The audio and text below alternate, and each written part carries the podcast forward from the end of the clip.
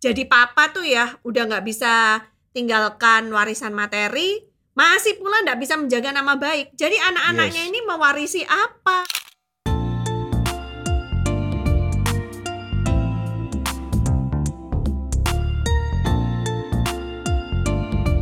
Kamu lagi dengerin podcast Love Revolution. Jumpa lagi bersama dengan kami dalam podcast Love Revolution. Karena cinta perlu perjuangan dan tindakan nyata. Ya, bersama dengan kami, saya Daniel dan istri saya. Debbie, Ya, pada topik ini kita akan berbicara satu topik yang sangat penting yaitu fatherless generation. Hmm. Nah, kita kasih definisi dulu ya tentang fatherless itu apa gitu ya. Mhm. Fatherless itu adalah satu kondisi di mana di dalam rumah tangga itu anak-anaknya tidak mempunyai papa atau ayah. Mm-mm. Nah, ada tentunya ada beberapa kemungkinan. Yang pertama tentunya karena papanya sudah meninggal duluan, maka tentunya pasti anak-anaknya menjadi fatherless atau nggak punya papa. Mm. Yang kedua karena perceraian. Mm. Nah, sehingga kebanyakan kalau eh, dalam suatu pernikahan anak-anaknya itu pada waktu orang tuanya bercerai, kemungkinan besar akan tinggal dengan mamanya, Mm. ya, kemungkinan besar nih, ya. Sehingga akibatnya eh, anak-anak tidak lagi mempunyai papa. Mm. Dan kita tahu tentunya bagaimana perceraian ala orang Indonesia itu atau ala orang Asia sangat menakutkan. Mm-mm. Biasanya papa mamanya akan menjadi apa ya musuh seperti anjing dan kucing gitu Mm-mm. ya dan bahkan papa jelek-jelekin mama di depan anak-anaknya dan sebaliknya mama jelek-jelekin uh, papa di depan anak-anaknya dan itu akan Hmm. semakin mendukakan menghancurkan perasaan daripada anak-anaknya. Tapi ada Ya. juga kasus yang ketiga Yang ketiga, nih. ini yang banyak nih. Apa Mm-mm. tuh? Ada papa di rumah tapi dia absen. Yes. Jadi dia di rumah tapi nggak pernah mau meluangkan Yes. waktu sama anak-anaknya, nggak mau Yes, peduli dengan betul, kehidupan perkembangan betul. anak-anaknya. Nah, yang terjadi tentunya karena kemungkinan besar papa-papa ini harus sibuk bekerja di Hmm. luar rumah ya. Kita apa ya sangat sukar sekali untuk menyalahkan. Kita nggak berusaha untuk menyalahkan siapa-siapa karena tuntutan ekonomi hidup pada zaman sekarang ini semuanya serba mahal gitu dan Mm-mm. ya eh, anak Apalagi gara-gara perang Ukraina sama Rusia ya. ya Terasa ya banget loh harga barang pada banyak naik ya, ya kan. dan eh, bensin BBM, aja bensin naiknya luar biasa apalagi solar gitu ya astronomical harga yang selangit gitu ya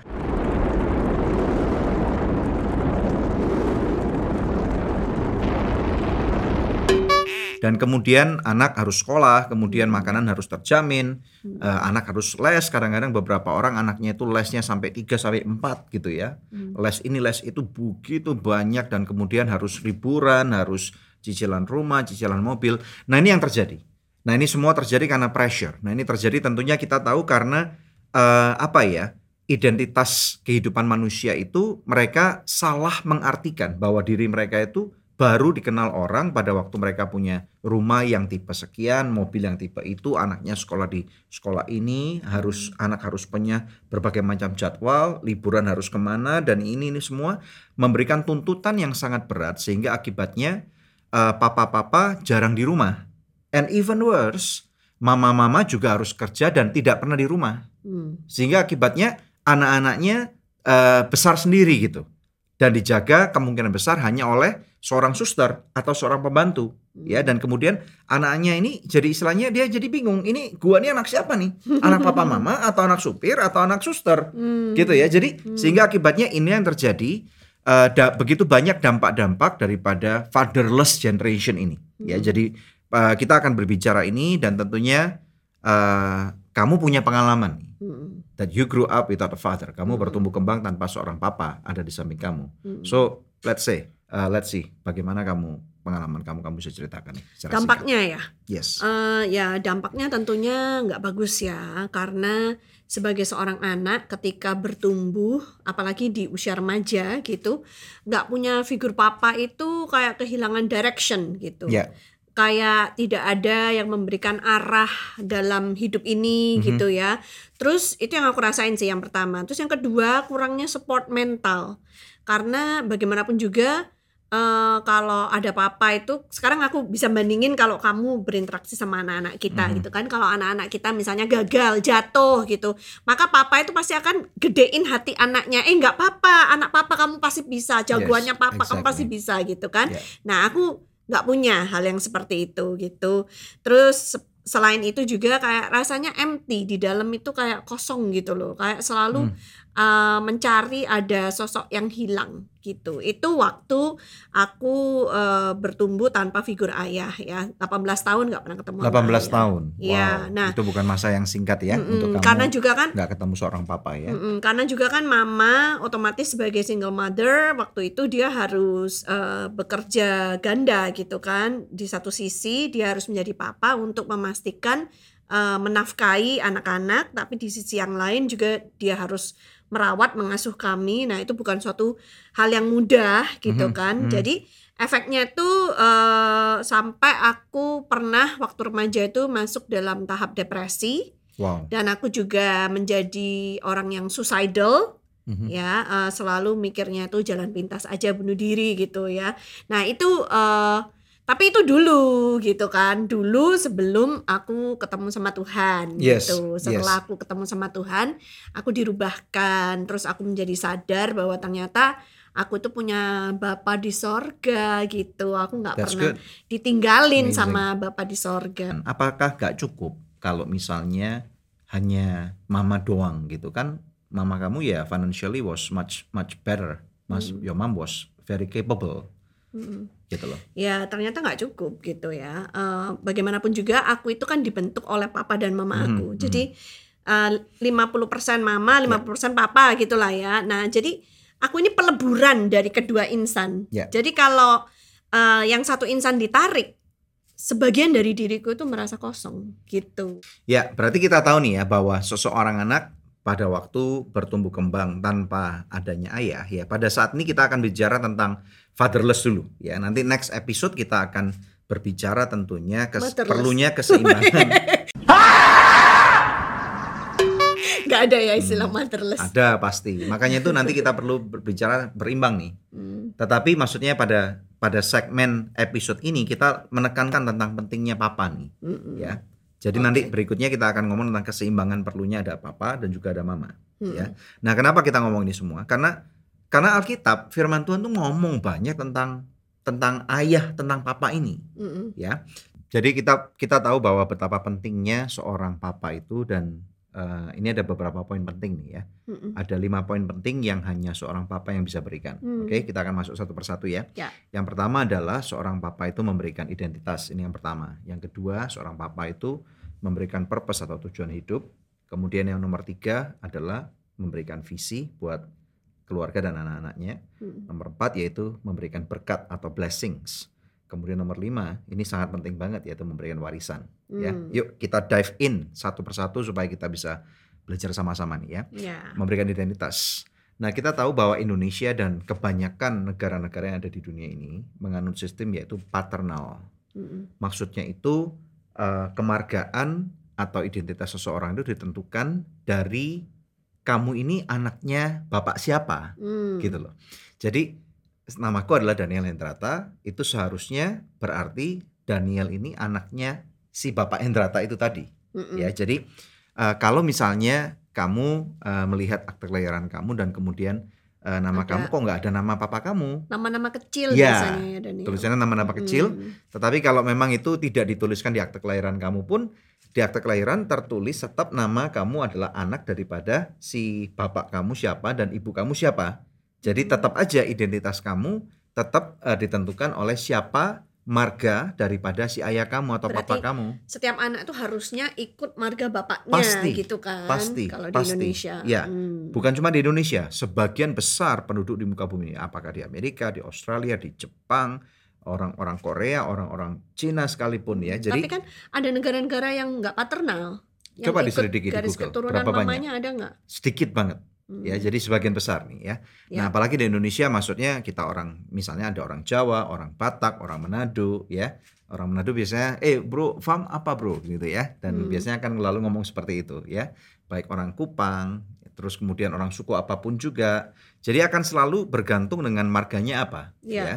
Ya. Dan dari sana kita tahu bahwa ternyata eh, identitas ini atau kehadiran seorang papa itu artinya mengembangkan apa ya keberanian mental seorang anak. Ini pengembangan mental itu sangat penting sekali. Seperti tadi kamu katakan Iya, iya. bahwa pada waktu kamu bertumbuh kembang tanpa adanya papa kamu, mental kamu ini lemah banget gitu Iya, ya. iya, iya. Jadi kamu gampang menyerah, kamu menjadi orang yang timid gitu. Mm-mm, kurang berani untuk mencoba sesuatu Yes. yang membutuhkan nyali Betul, gitu betul, karena nggak ada yang itu besarkan hatiku itu tadi That's ya. right ya. Dan Hmm. tentunya eh, apa namanya seorang papa eh, di dalam memberikan identitas ini, papa adalah leadership atau kepala daripada sebuah keluarga. Ini ini obviously banget. Jadi tanpa adanya seorang papa, maka nggak akan ada leadership yang jelas di dalam keluarga itu. Dan kemudian ini yang dampak terakhir daripada memberikan identitas itu, eh, anak-anak itu akan bertumbuh dengan orphan spirit, ya. Kalau ayahnya tidak hadir. Yes, orphan spirit itu artinya roh yatim. Jadi eh, orang-orang yang mempunyai orphan spirit ini atau mental maaf ya yatim ini tadi Hmm. artinya dia akan selalu apa ya minta dikasihani gitu ya dan Hmm. kemudian minta dimengerti Punya victim mentality. mentalitas victim Mm-mm, dan kemudian mentalitas akibatnya eh, dia akan lebih mudah terjebak dari perangkap iblis tadi ini. Hmm. Nah kita tahu bahwa eh, iblis ini adalah untuk mencuri, membunuh dan membinasakan. Jadi bayangkan kalau misalnya seseorang anak yang tidak mempunyai eh, figur papa di dalam kehidupannya ini baru satu poin loh. Mm-mm. Maka Mm-mm. orang itu eh, apa namanya akan sangat mudah lebih apa ya chances untuk hidupnya menjadi berantakan itu akan jauh lebih besar. Mm-mm. Ini yang Mm-mm. pertama. Kemudian yang kedua, ya yaitu memberikan purpose. Kita tahu papa itu eh, apa namanya papa yang benar nih ya. Kalau papa misalnya ada dan berarti dia tidak tidak ngomongin anaknya, nggak memberikan nasihat, cuman main pukul sama juga. Berarti itu fatherless juga, Hmm. absent father tadi itu. Ya, seorang papa seharusnya yang baik itu memberikan purpose dalam arti dia yang memberikan direction atau nasihat kepada anak-anaknya. Yang aku lakukan kepada anak-anak kita itu adalah misalnya hampir setiap hari aku akan ngomong kepada James bahwa Tuhan punya rencana yang besar buat kamu. Kamu harus sekolah dengan baik. Eh, kadang-kadang bahkan aku ngajarin dia untuk eh, menghafal beberapa ayat firman Tuhan yang merupakan ayat-ayat kunci. Ya misalnya Yeremia 29 ayat 11 kemudian Matius 6 ayat 33 gitu ya. Dan kemudian itu menjadi satu kode buat dia kalau aku ngomong ini dia akan langsung recite gitu ya. Dan dia akan ingat. Dan kemudian akibatnya apa? Pada waktu eh, aku ngomong diselarasan dengan dengan apa yang Alkitab atau firman Tuhan ngomong si anak ini lebih mudah nerima loh tapi aku tidak menggunakan Alkitab sebagai satu senjata untuk menghukum dia, Mm-mm. tetapi untuk mengucapkan tentang purpose, tentang tujuan hidup yang Tuhan punya untuk kehidupan dia sehingga dia bisa menerima. Sekarang ini pada waktu recording dia berumur 12 tahun. Kadang-kadang dia bisa mempunyai suatu attitude yang tidak baik. Kenapa aku harus sekolah? gitu kan. Why school? Kan Mm-mm. Maksudnya dengan adanya eh, apa namanya yang dia lihat konten-konten di YouTube yang mungkin nggak baik, orang-orang yang ngomong bahwa sekolah itu sudah diperlukan, banyak konglomerat nggak perlu sekolah, sehingga Hmm. akibatnya dia berpikir, kenapa gua harus sekolah? Sekolah kan repot, harus buat PR dan yang macam-macam. Mm. Jadi eh, aku tinggal ngomong tentang M633 tadi itu, Matius 6:33, dia akan recite bahwa carilah dahulu kerajaan Allah dan seluruh kebenarannya, maka segala sesuatu akan ditambahkan kepada kamu Mm-mm. ya dan dan bagian daripada tanggung jawab kamu adalah mempersiapkan diri untuk mencari kerajaan surga itu. Kamu harus sekolah dengan baik dan dia bisa menerima. Jadi perlahan attitude-nya atau sikap hatinya berubah menjadi lebih baik. Karena waktu sekolah diisi dengan Yes, pengetahuan ya. Dengan pengetahuan, dengan disiplin dan yang lain-lain dan bagaimana saya juga aku atau papa-papa yang lain termasuk eh, memberikan dorongan kepada dia. Kemudian yang ketiga, memberikan visi. Visi itu penting. Kita bahkan mempunyai dua episode di podcast Love Revo- Revolution tentang visi. Jadi tinggal klik di bagian kanan atas atau ketik tentang visi ya. Mm. Visi itu memberikan direction. Jelas kita tahu bahwa tanpa visi orang itu akan binasa. Mm-mm. Bahkan eh, firman Tuhan mengatakan bahwa kalau tidak punya visi orang itu celaka, orang itu akan liar gitu ya. Dan kata-kata liar itu eh, diterjemahkan pengertiannya adalah telanjang gitu. Bayangkan eh, betapa generasi yang sekarang ini dengan begitu mudah mengekspos ketelanjangannya. Ya, kita lihat video klip video klip atau artis-artis yang menyanyi atau berdansa atau dance dengan begitu seronok semakin liar, semakin laku. Mm. Dan ini menunjukkan adanya generasi yang visionless gitu. Mm. Generasi yang tanpa visi karena apa? Kebanyakan me- mereka juga eh, generasi yang memberontak karena nggak ada papanya, nggak ada yang set Hmm. order di dalam kehidupan mereka. generasi yang bertumbuh tanpa figur ayah Tanpa figur ayah, the Hmm. fatherless generation itu tadi. Hmm. Ya, jadi betapa hancurnya kehidupan mereka. Apakah mereka berarti nggak bisa kaya? Nggak juga. Mereka bisa kaya, mereka bisa terkenal. Follower mereka bisa 20 juta di Instagram dan mereka bisa make a lot of money, mungkin 100 juta sebulan, 500 juta sebulan, tetapi moralnya bankrupt. Hmm, hmm. ya. Kemudian yang keempat, ini penting banget. Eh, seorang papa itu memberikan berkat atau blessings kepada anak-anaknya. Tentunya kita tahu bahwa breadwinner itu seharusnya kebanyakan adalah papa. seharusnya Seharusnya. Tapi pada dulu. kenyataannya yes, zaman pada generasi sekarang, ini pada Yes. generasi ini banyak sekali yang breadwinnernya itu Mhm. adalah mama gitu dan di sana ke- kemungkinan besar kita akan lihat adanya disorder, Dap. Hmm. Adanya apa ya? Kita uh, with all due respect kepada para mama yang menjadi breadwinner bagi keluarga-keluarga yang ada, you're doing amazing job gitu ya. Tetapi uh, sekali lagi kemungkinan besar kalau kita lihat suaminya akan merasa bahwa dia disfungsi Hmm. dan suami-suami yang disfungsi kemungkinan uh, istrinya akan melecehkan dia Hmm. sengaja ataupun tidak mengatakan bahwa kamu laki nggak becus gitu ya dan herannya kenapa yang perempuan yang tidak bekerja atau di rumah is suaminya most likely tidak akan berkata kamu di rumah terus nggak becus karena memang tatarannya karena itu adalah kodratnya nangkep nggak Iya, maksudnya iya, iya, karena iya. itu adalah kodratnya Hmm. dan laki-laki yang biasanya dikata-katain oleh istrinya pada waktu anaknya mendengar anaknya lost respect kepada papanya Hmm. Bagaimana caranya seorang papa bisa memberikan eh, berkat itu tadi kalau dia itu tidak dihormati oleh istri dan oleh anak-anaknya? Berarti artinya mau nggak mau dong seorang Yes. laki-laki kalau sudah berumah tangga itu harus bekerja dan menjadi pemberi nafkah. Bekerja harus, tetapi tentunya kita sekali lagi kita tahu ya bahwa pada generasi ini begitu banyak wanita-wanita yang sangat pintar menjadi CEO, menjadi COO, menjadi Hmm. eh, pemilik perusahaan dan yang Tapi nanti lain-lain. katanya melanggar tatanan. Nah, makanya order. itu harus diberi, dibicarakan dengan benar nih. Hmm. Dan seharusnya tidak harus menjadi house husband. Hmm. Ini yang yang yang menjadi penyakit nih. kalau dulu housewife, sekarang Yes, house husband. House husband ini penyakit yang Bapak sangat rumah parah, tangga. bapak rumah tangga. Hmm. Jadi saya sarankan si bapak ini atau si suami ini tetap bekerja dong, Hmm. ya dan bayarin si apa namanya suster atau mungkin perankan ibu kamu atau mertua kamu untuk bisa membantu menjaga Hmm. atau misalnya kerja di rumah kayak you got to have a business at Jadi home. tetap gitu. harus punya aktualisasi Harus, diri harus gitu ya. karena kalau enggak anak kamu melihat kamu sebagai bapak house husband ini akan terjadi kebingungan gitu loh patron macam apa yang kemudian akan diberikan dan kebanyakan ujung-ujungnya adalah suami-suami ini karena dia tidak merasa dihargai oleh istrinya dia merasa apa namanya secara mental dia emotional damage gitu ya dan kemudian tidak sedikit daripada nggak saya nggak katakan semua tapi tidak sedikit yang kemudian akibatnya mengalami perselingkuhan atau me- me- me- melakukan Dan perselingkuhan. pelampiasannya, Yes. pelariannya karena dia ti- merasa tidak That's dihormati right. oleh istrinya, Betul. tidak dihormati anak-anaknya di rumah, maka dia Betul. mencari Dan tidak sedikit ternyata lain. yang eh, menjadi selingkuhannya itu ya maaf kata adalah misalnya asisten rumah tangganya yang istilahnya derajatnya jauh di bawah daripada istrinya. Hmm, karena dia nggak mau lagi dijajah sama betul, wanita yang seperti itu. betul. Atau Hmm. seorang wanita yang nggak bisa apa-apa, gitu loh. Yang istilahnya sangat sangat memerlukan dia ini. Jadi Hmm. dia mencari attention yang luar biasa. Jadi eh, saran saya apabila Hmm. ada suami-suami yang memang bukan breadwinner, kamu harus berani bangkit dan kemudian do something at home, ya.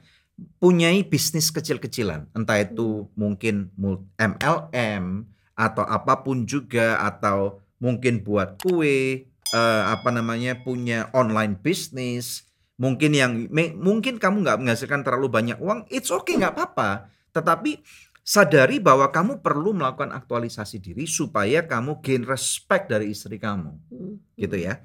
Jadi memberikan blessing ini artinya apa? Bukan cuma memberikan nafkah kepada keluarga, tetapi memerintahkan, mengucapkan berkat kepada anak-anaknya.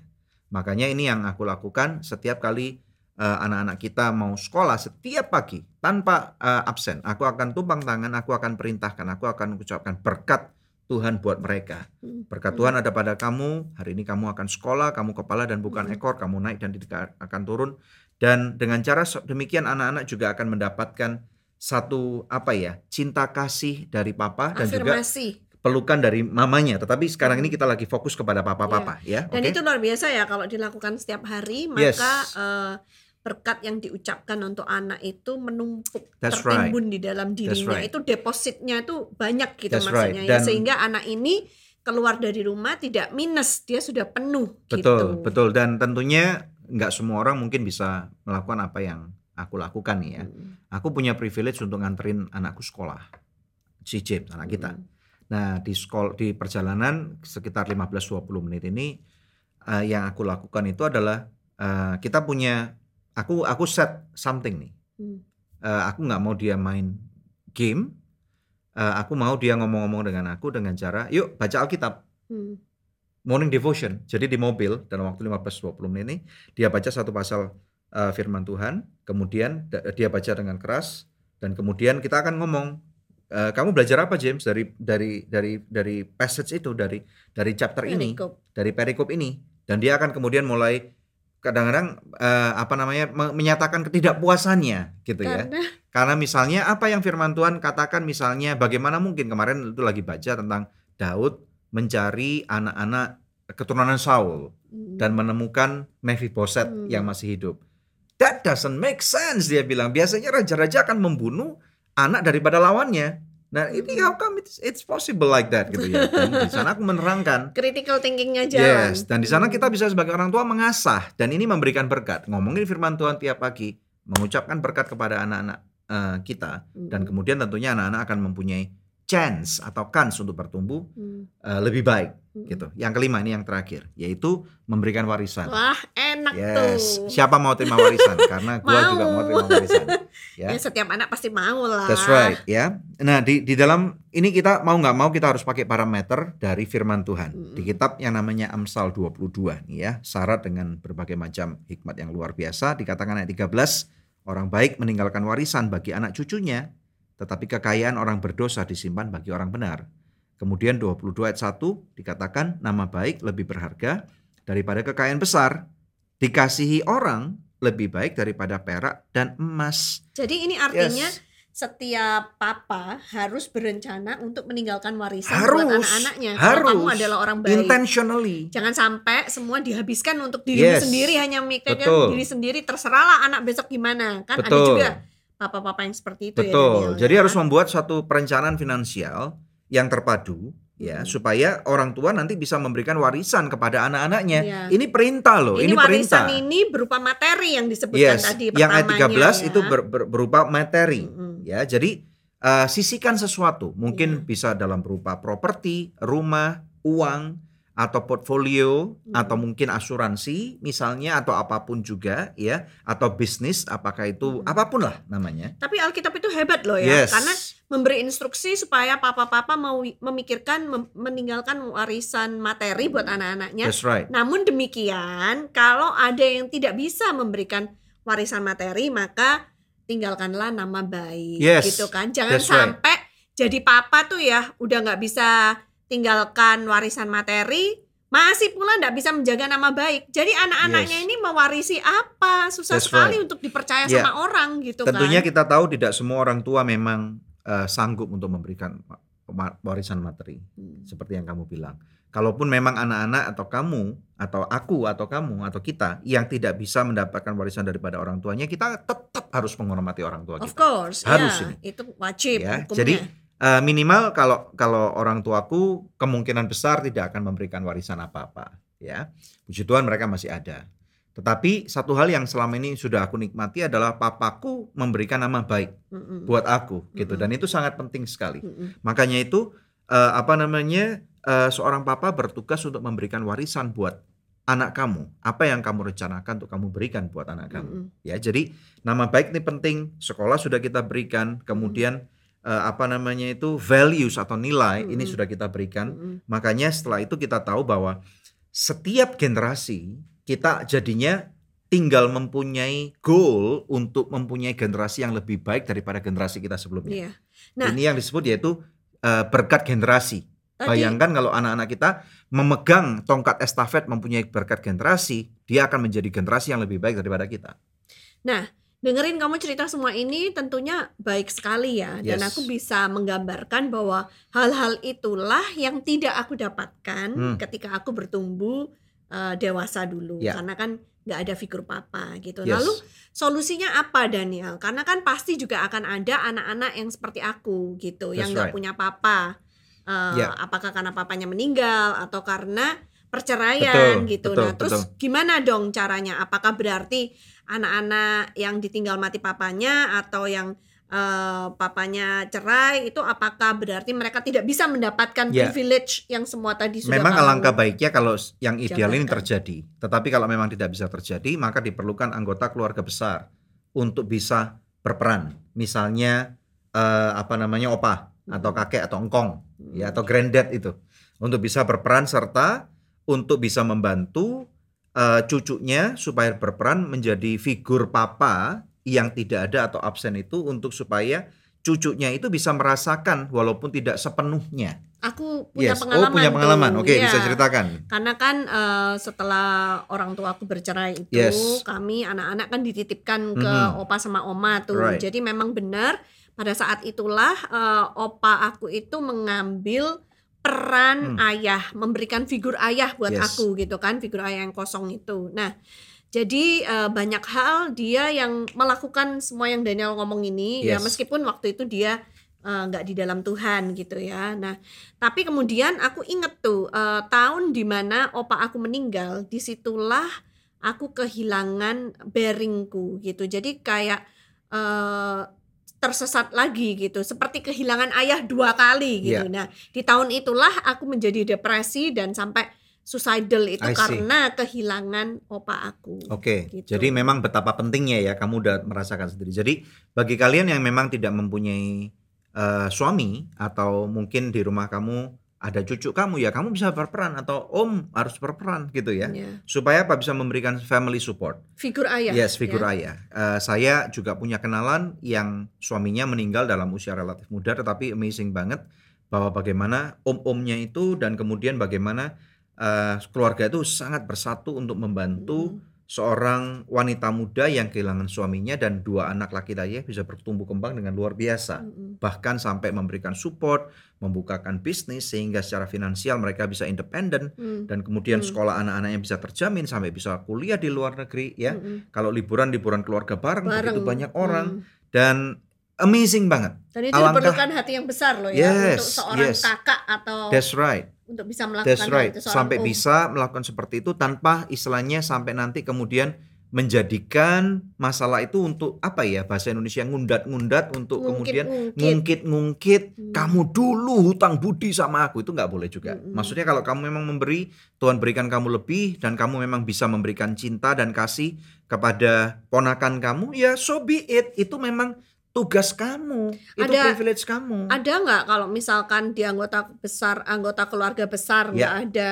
figur laki-lakinya, Bisa. maka siapa yang bisa step in untuk Ya maka ini? tugas gereja seharusnya. Makanya kalau di gereja hari Minggu eh, jemaat-jemaat yang datang yang memang kita tahu ada satu dua orang yang tidak mempunyai figur papa atau papanya lagi memang tidak tidak bisa ada atau absen sementara waktu, ya tentunya yang cowok-cowok terutama. Aku akan dekati dan aku akan high five gitu ya dan aku akan peluk dengan erat gitu ya pada waktu sebelum mereka pulang.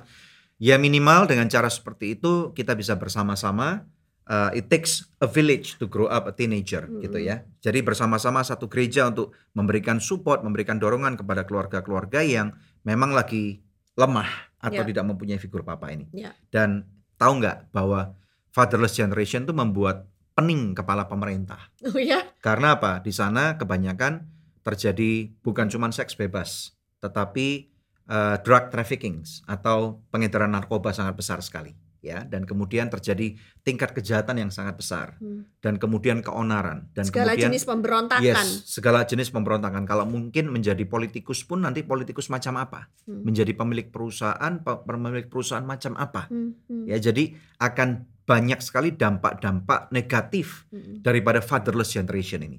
Aku Yes. termasuk beruntung ya karena nggak sampai liar atau pinal Yes. seperti itu. Kamu kamu puji Tuhan, Tuhan sayang sama kamu dan sama dengan orang-orang yang lain Tuhan juga sayang Hmm. dengan mereka. Dan ini adalah remedy daripada fatherless generation itu. Ya. Kehadiran daripada seorang ayah, ayo papa-papa di luar sana bangkit. Ayo jangan pernah mau menyerah, bangkit dan bersinar karena masa depan anak-anak kamu ada di tangan kamu. Masa Yes. depan generasi ini ada di tangan kita. Yes. Bersama-sama kita bisa lakukan ini supaya Indonesia bisa menjadi lebih baik, keluarga kita bisa menjadi baik dan kalaupun anak-anak kita bisa bertumbuh kembang menjadi orang yang berhasil, menjadi orang yang uh, berdampak, ini adalah kemenangan kita bersama. Ya. Tetapi kalau anak-anak itu menjadi rusak, menjadi sampah masyarakat, menjadi penjahat, menjadi teroris, menjadi pembom bunuh diri, ya, ini adalah loss atau kerugian kita bersama. Yuk, lebih baik kita cegah sekarang, jangan pernah menyerah. Eh, kita nggak bisa menguat- menggunakan kekuatan kita sendiri, tetapi kita punya Tuhan yang besar. Saya percaya bersama dengan Tuhan tidak ada yang mustahil. Amin. Ah, ah, luar biasa sekali. Yuk, ah, kalian mendengarkan podcast Love Revolution. Karena cinta perlu perjuangan dan tindakan nyata. Ya, kalau kamu diberkati dengan episode ini, eh, share ulang supaya lebih banyak orang-orang yang tidak aware tentang fatherless atau atau mereka mengalami fatherless condition ini mereka bisa belajar dan dikuatkan bersama-sama. Bersama dengan kami, saya Daniel dan istri saya. Debbie. Ciao. Ciao.